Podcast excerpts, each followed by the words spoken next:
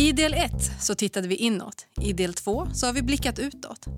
Idag så är det dags för vägledningsseriens sista del och det är dags att blicka framåt. Nina Kjellmark knyter ihop säcken så att du kan vägleda dig själv i karriären. Det här är Arbetsförmedlingens jobbpodd. Jag heter Priya Eklund. Del 3, Nina. Välkommen tillbaka. Hej, tack. Hör du, vi har tittat inåt där vi har verkligen inventerat oss själva. Vem är jag, vad vill jag och vad kan jag? Vi har blickat utåt, tagit reda på hur ser arbetsmarknaden ut, vilka yrken finns, vilka egenskaper passar mina yrken eh, som, som jag har fått fram. Nu ska vi knyta ihop säcken och vi ska framåt. Ja. Hur tar vi oss framåt? Ja, det handlar om att samla ihop allt det som du räknade upp och faktiskt landa i ett beslut. Eh, Men det gör man ju kanske inte bara hur lätt som helst. Det låter väldigt skrämmande. Ja, och därför så tänker jag att man kan ta med sig lite olika sätt. att ja, men, Hur gör man, liksom, hur fattar man ett bra beslut? Så jag har försökt inventera lite vad, men vad kännetecknar egentligen ett bra beslut. Och, Spill it, säg. Ja, jag kan, jag kan säga så här, att det är inte så att jag, alla mina beslut jag har fattat i mitt liv går enligt den här mallen. Och jag Men- tänker att det är livet. Ja, det är så livet Ja. är för de flesta. Men det kan ändå vara bra att ha någonting att förhålla sig till för att man vill verka klok, eller vara klok. Ja. ja, vi glömmer det. Kör på. Men- Okej, bra beslut. Hur fattar jag Precis, dem? Det handlar ju om att göra en avvägning mellan olika saker. Och då tänker jag att den, det ena som man tar in, det är vad har jag för önskemål? Och det har man ju kanske ringat in nu förhoppningsvis, eller kommer att göra. Eh, och sen att man väger det mot vilka resurser man har, alltså vilka tillgångar, vad har man möjlighet till? Då kanske du undrar, vad är Ja, resurser då? Precis, resurser. Det kan ju vara ekonomiskt, det kan ju vara annat. Precis, det är bara, är du rik så löser det sig. Nej, det är inte ekonomi bara, utan det handlar om dina erfarenheter, dina utbildningar och resurser kan ju också vara så här, vilka har du runt omkring dig? Har du folk som stöttar dig i dina beslut? Det är också en resurs.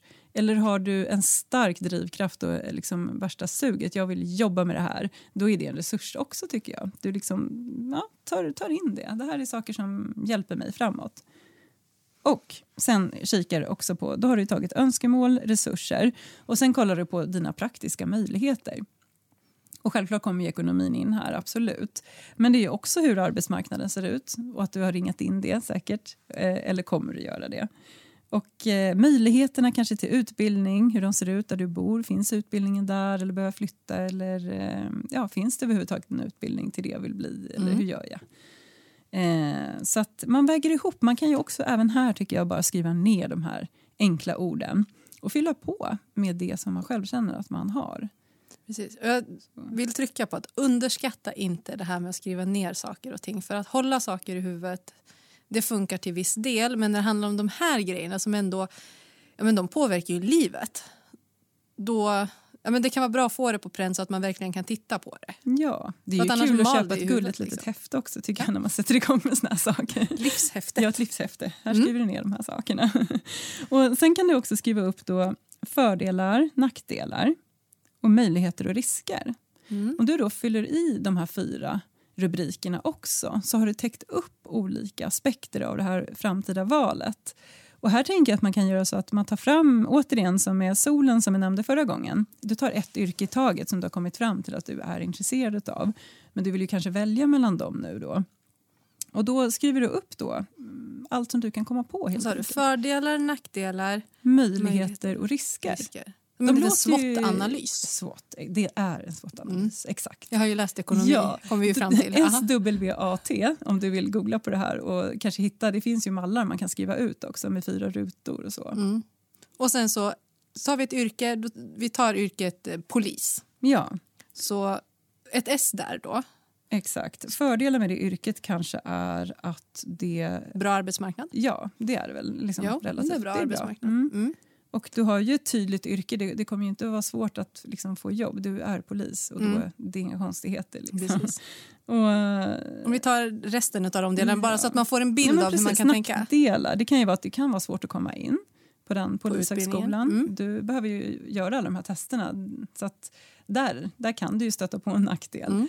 Eh, men eh, sen kan det vara möjligheter då. Vad skulle det kunna vara när man är polis? får vi brainstorma här. Men jag tänker man får man ut, personlig utveckling. Ja, det blir det ju. väldigt mycket, inbillar jag Ja, mig. Nu, jag känner poliser, men jag har ju aldrig jobbat som polis då. Ja, Ja. för att jag inte är polis. Men eh, jag tänker att det är personlig utveckling för du träffar människor i olika sociala situationer. Ja, verkligen. Det finns ju inget som utvecklar en mer egentligen. Nej. Och sen också att du kanske, en möjlighet är ju att du kan eh, utvecklas inom yrket säkert. Det finns ju olika sorters poliser och säkert andra närliggande yrken eller titlar som man Mm. sen kan ha när man har varit polis på ett sätt ett tag och så. Så nu är inte jag någon expert på just polisyrket som ni hör. Men, men här får man ju fylla i själv då. Och sen sista rutan. Risker. Ja. Det är ju att det, det kanske är en relativt lång utbildning. Så du riskerar ju då om du börjar på den att vill jag inte bli det här så är det ju risken att du, då får du hoppa av och så. Mm. Men det har ju vi pratat om och det är inte så farligt. Nej, men det är inte så farligt. Och En annan risk jag tänker är ju att man när man väl har börjat jobba som polis är det så att du känner att det här var inte riktigt min grej ja, men då är det ju du har utbildat dig till polis. Du kan inte börja jobba som sjuksköterska på samma utbildning. Utan det är ju väldigt yrkesspecifikt. Så att jag tror att där måste man också vara övertygad om att jo, men det är det här jag vill göra. Sen kan man aldrig veta till 100 procent. Men någonstans ja. under utbildningen förhoppningsvis så har man väl ändå liksom Jag tror fått också det. Just i det polis känns som ett sånt yrke. Just för att det är så omfattande antagning så, så tror jag nog att man sållas bort om man inte har det som krävs. Och så. Precis. Mm. Nej, men så, så kan man alltså göra en, en liten bedömning, Ja, en SWOT-analys. Ja. Och på det yrket som du har kommit, ja, men som du har i den här solen då, som man kan höra om i del två. Mm. Ja, men exakt, så då kan det ju vara polis. Så tänker du nej, utbildningen är för lång eller jag, kom inte, jag testade men jag kom inte in. Då kan du ju göra den här solen, den övningen för att liksom bredda och kolla vad finns det för andra yrken jag skulle kunna testa. Och kika kanske på lite yrkesfilmer på hemsidan och se hur det faktiskt är eller gå på studiebesök. Liksom Man går tillbaka lite i processen då och gör övningarna igen som var Precis. förut. Mm. Sen kan man också tänka på sitt val då, faktiskt göra två små rubriker som kommer sen då. Alltså hur blir det här valet på kort sikt för mig i mitt liv? Och hur blir det här valet på lång sikt för mig i mitt liv? Och här tänker jag att det kan vara olika aspekter, typ som att om du har obekväma arbetstider, du kanske vill bilda familj inom ett år, kommer det funka med barn? Alltså sådana saker. Att, eh, saker man kanske inte tänker på först, men hur blir det sen? Så Mm. Man får med den biten också i sitt beslut. Jag bara känner så här, det, det, blir, det blir så stort. Ja, Men det är ju också ett stort beslut. Men jag vill, även om, om det här är ett stort beslut tänker jag lite, gå lite på känsla också. Får, Ja. man, får man säga så? Ja, gud ja. Jag är den personen som kanske allra mest... Ja. Alltså, av alla jag känner är jag nog den som mest går på känsla. Det kanske är därför jag har det behovet av att utforma såna här äh, förnuftiga mallar. För att, Jo, men för det är att- bra att ta allt. Precis, Ta och, allt. men, men samtidigt förringa inte just det här för att har du ingen aning så måste du börja någonstans. Ja, Och, och det är det här jag tänker att vägleda sig själv handlar om, att hitta en riktning i alla fall. ja man, man får ju sålla bort sånt som faktiskt inte är realistiskt eller kanske inte är intressant om man tänker efter i framtiden för en. Och, ja, men man ringar in mer och mer och kanske få syn på sidor hos sig själv tänker jag kanske det där första steget som man inte hade tänkt på. Så här, någon kompis eller någon släkting kanske säger men du är ju så social och du är så bra på att bygga relationer, var du än kommer, du kommer så bra överens med folk. Och så har man inte tänkt på det kanske. Då kanske det är så här, ja men något typ av säljjobb skulle, alltså att man kan komma in på helt andra Mm. spår än vad man hade tänkt först. Precis. Det är det som är lite spännande också. Andra blickar framåt då, hur tänker vi? Hur tänker vi där? Vi har gjort den här riskanalysen och solen och allt det här. Precis, kort och lång sikt. Men sen, sen är det ju ändå så här, eh, den viktigaste frågan. Jag tänker på Hamlet. Hamlet den här dödskallen i handen. Ja, precis. Att Nej, och jag vara höll nästan andan här. vara.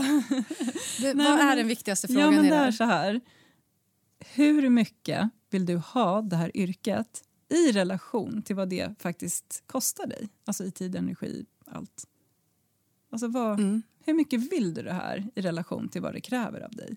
Det är egentligen det. Den är ju jätte, jätteviktig. Det kan jag säga, jag pendlar ju till jobbet Mm. och det får jag höra. Men vadå, det är fyra timmar av din arbetsdag som går. Ja, Jag älskar mitt jobb. ja exakt. Se där. Alltså det, ja. så, jag testade ett år, fick Mm. möjligheten att vara kvar. Hade jag inte fixat det det här första året fanns ju inte en chans att jag hade varit kvar nu. Så att det är ju verkligen en jätte, jätteviktig fråga. Men för mig så är svaret så naturligt. Jag älskar Ja. det jag gör. Så Ja. då är det värt att lägga den här tiden. Och det betyder ju att jag försakar annat. Ja, men precis lite så. Det är samma sak för mig. Om jag verkligen hittar något som jag vill, då blir jag väldigt enveten på det och kan offra mycket annat. Då Mm. tänker jag, nej men då får jag skita i den här semestern i Thailand eller vad det nu kan vara. Om jag behöver spara pengar för att kunna göra något. Att, Mm.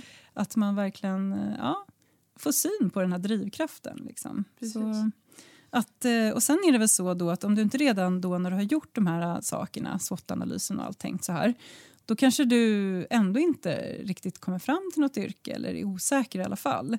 Att, eh, då kan man ju ändå fundera på om, det, om man har identifierat hinder. Kan jag liksom ta bort de här hindren eller komma förbi dem på något sätt?